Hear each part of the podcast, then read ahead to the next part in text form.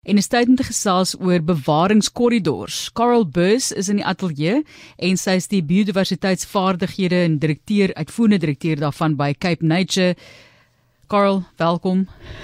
Goeiemiddag, uh luisteraars. Marlies, baie dankie. Het jy ook al so soos my een storie so iets ervaar oor die paaie waar jy iets raak of doodry en dit laat altyd laat tog al 'n merk by 'n mens, né? Dit laat definitief 'n merk by 'n mens as 'n mens uh, iets wat in die natuur is uh onwillekeurig, jy weet, te nakom.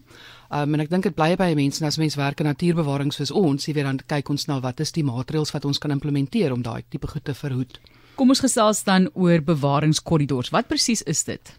Ehm um, so ek gaan begin en dit gaan dalk 'n klein bietjie tegnies wees, maar dit probeer uitpak, jy weet, sodat ons kom by die punt by, by waar ons kyk na wat is 'n biodiversiteitsbewaringskorridor op 'n provinsiale vlak, maar dit dan nou weer terugbring na jy weet elke persoon wat by die huis sit of in sy voertuig ry om te dink jy weet wat is die tipe goed wat ons kan doen om by te dra tot bewaringskorridors. So ons kyk na areas wat aaneenlopend is of wat tussen gebiede um, koneksie maak. Jy weet 'n tipe van 'n toevlugarea of 'n area wat 'n uh, verspreiding van natuurlewe, plante en diere um, kan uh, te, jy weet dit uh, tot stand bring. Um, as ons praat van toevlugareas, weet ons praat van natuurlewe oor die algemeen en hoekom is dit vir ons belangrik um, om te dink dat ons moet dink aan toevlugareas. Dis nie net sodat ons nie iets op die pad per ongeluk weet raak ry nie, maar in die groter prentjie van weet wat is die bewaringsdoelwitte vir die land, vir die provinsie en ook internasionaal. Ons is bewus dat daar is 'n internasionale krisis in terme van uh die bewaringsstatus van baie spesies wat uitsterf. Um, en ons wil bydra as lewer tot dit. So ons gaan nou weer terug. Wat is die goed wat ons kan doen? Ons wil groot areas hê wat natuurlik is waar hierdie spesies uh weet vrylik kan rondloop, maar ons weet dit is ook nie heeltemal haalbaar nie. So dan kyk ons na wat is die alternatiewe as gevolg van jy weet ontwikkelingsimpakke uh um uh ontwikkeling in die landbougebiede of wat ook al verloor ons natuurlike areas. Maar dit is nie die einde nie. As ons sekere maatreëls implementeer soos bewaringsareas groter maak of kyk na connect konnektiwiteit tussen bewaringsareas deur korridors, dan kan ons 'n bydrae lewer in terme van die veerkragtigheid van spesies en diere, plante ook teen klimaatsverandering in die toekoms. Um of weet teen impakte soos uh uh verkeersroetes of wat ook al dit is. Ja, mens dink nie regtig aan die impak wat die mens wel het op die beweeglikheid van en veilige beweeglikheid van natuurlewe, wildlewe. Mens dink selfs aan plante, nê, net om te kan van van een plant om te kan versprei. Uh, jy jy die wind en hoe ver, hoe ver vat hy jou en wat is die beperking daarvan daar waar 'n ontwikkeling wel plaasvind. So kom ons kyk net oor hoe dit vasgestel word. Hoe bepaal julle waar 'n bewaringspunt moet wees of 'n korridor ingebring moet word? Ek dink die heel eerste ding wat ons wat ons in ag neem is dat ehm um, weet natuurlike gebiede weet verdien ag verskaf ook ehm um, dienste aan mense, jy weet en as ons praat van plante en diere, dis maklik om te dink aan jy weet diere en die impak van mense, maar ehm um, in die landboubedryf byvoorbeeld, uh bestuivingsdienste wat deur bye veroorsaak word. Dit is een van die maklikste goed waarna ons kan dink. So waar moet die bye bly? jy weet om daai bestuivings uh funksie, jy weet in die landboubedryf te kan doen. So ons kyk op 'n op 'n provinsiale skaal na waar is biodiversiteit? Dis redelike komplekse lae inligting, jy weet oor verspreiding van spesies en plante. Wat is belangrik in terme van die ekosisteemdienste wat ons wat ons wil behou vir mense en ook dan in terme van die bedreigde status van spesies of dit nou plante of diere of insekte is en watter is belangrik om te behou en om dan in te bou dat daar 'n beweegarea is vir hierdie veerkragtigheid wat ons in die natuur soek om ons te beskerm.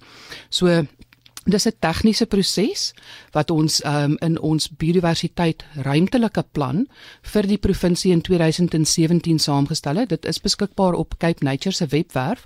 Ons is besig met die opdatering vir die uh, vir die vrystel van die nuwe 21-2023-2024. Um en om dan nou op 'n op 'n provinsiale skaal te wys waar's belangrike natuurareas en dan om te inkorporeer in daai areas natuurlike areas wat geskik is vir die behoud van hierdie veerkragtigheid wat ons soek, hierdie diversiteit in ja. die natuurlike veld, jy weet op 'n landskapskaal.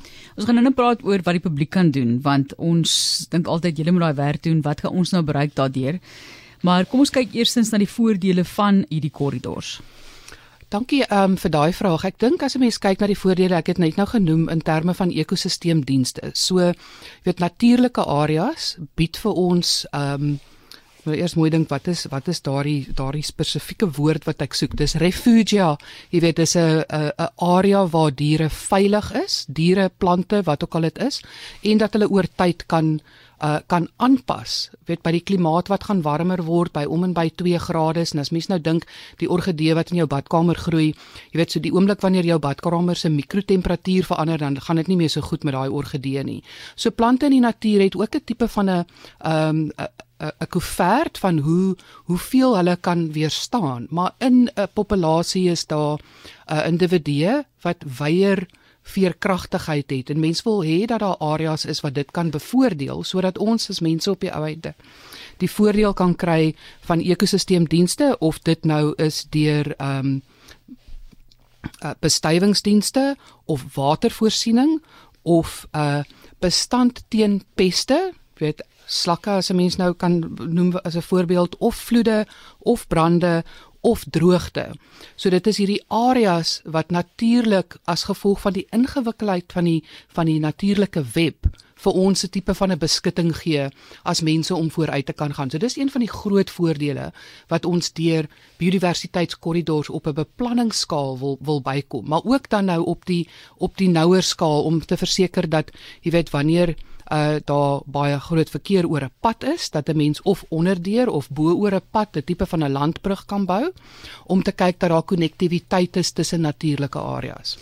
OK, nou kom ons wat ons vir die publiek kan bied om te doen en ek weet daar is sekere areas waar hulle sal sê pas op asseblief hier of sekere tyd van die jaar is dit paringsseisoen, daai tipe van notas wat aangebring word langs die paaie, maar dit is ook nie so algemeen nie. Wat kan ons doen behalwe nou probeer versigtig ry en oplet waar ons ry en wat ons natuurlik ook doen omgewingsgewys?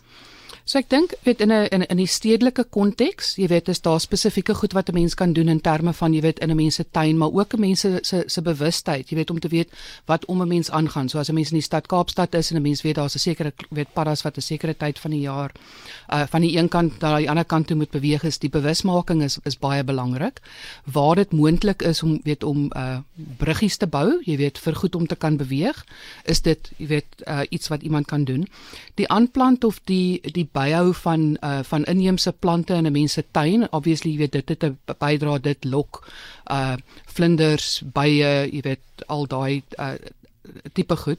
En dan ook die uithaal van van indringer uitheemse plante. Jy weet om om om area vir natuurlike beweging jy weet toe te laat en dan te weet waar is hierdie goed. Wanneer 'n mens groter areas het dan kan 'n mens kyk na bewarias binne in die stads weet stads uh, verband. Ehm um, meeste van die uh, stads en dorpsbeplanning neem groen areas in ag. So as mens weet waar mens is dit maak nie saak hoe groot die korridor is nie maar die die ding wat areas met mekaar verbind, dit is wat vir ons belangrik is. En dan op 'n landskapskaal, hoe groter die area is, jy weet hoe groter of hoe langer is die korridor. Ehm um, as mens kyk vir die Wes-Kaap provinsie, meeste van die groot rivierloope is korridors van die berge tot by die see. En dan is dit belangrik om weet te dink hoe 'n mens daai korridor versterk, jy weet die rivieroewers versterk of dat 'n mens nie reg tot op die water ontwikkel nie, want dan breek 'n mens, jy weet die die die konnektiwiteit van daai korridor soveel wat ons kan doen en gaan klop aan by hulle, gaan kyk op hulle webblad, daar's altyd ook meer inligting daar beskikbaar en dit is die uitvoerende direkteur van biodiversiteitsvaardighede by Cape Nature, Carl Bus wat met ons gepraat het oor korridors vir bewaring. En kom ons kyk wat gedoen kan word. Dink jy daar kan ook vir ons in Suid-Afrika hierdie baie oorbrug. Ek dink tog al dis slim, jy weet, maar ja, mense moet ook seker maar besluit of dit enigstens moet werd is gaan dit regtig 'n verskil maak en het ons groter probleme wat ons liewer op moet fokus? Ek dink definitief daar is groter probleme op te fokus, maar as ek dink aan Suid-Afrika se geheel, daar's baie gebiede waar landbrug 'n moontlikheid is, jy weet waar dit 'n uh, uh, veral waar plase jy weet aan albei kante van 'n nasionale pad is. Partykeer is daar, jy weet, iets onder die grond wat deurgaan, maar nie 'n ding bo-oor nie. Alle diere wil nie ondergrond deur beweeg nie want dit is 'n risiko. So ek dink daar is en daar is areas as ek dink lank Natal, Natal se kus waar daar landbrûe is. Ehm um, soos wat hulle in Europa het, maar dit is nie op dieselfde skaal nie want ja. ons het nie ehm um, wat is dit erte wat rondloop uh jy weet in die natuur nie, hoewel daar wel areas is. So ek dink dit is 'n dis 'n moontlikheid wat 'n mens as as mens eienaarskap vat, jy weet, en nie wag vir die regering om dit te doen nie, dan is daar 'n moontlikheid vir daai uitkomste.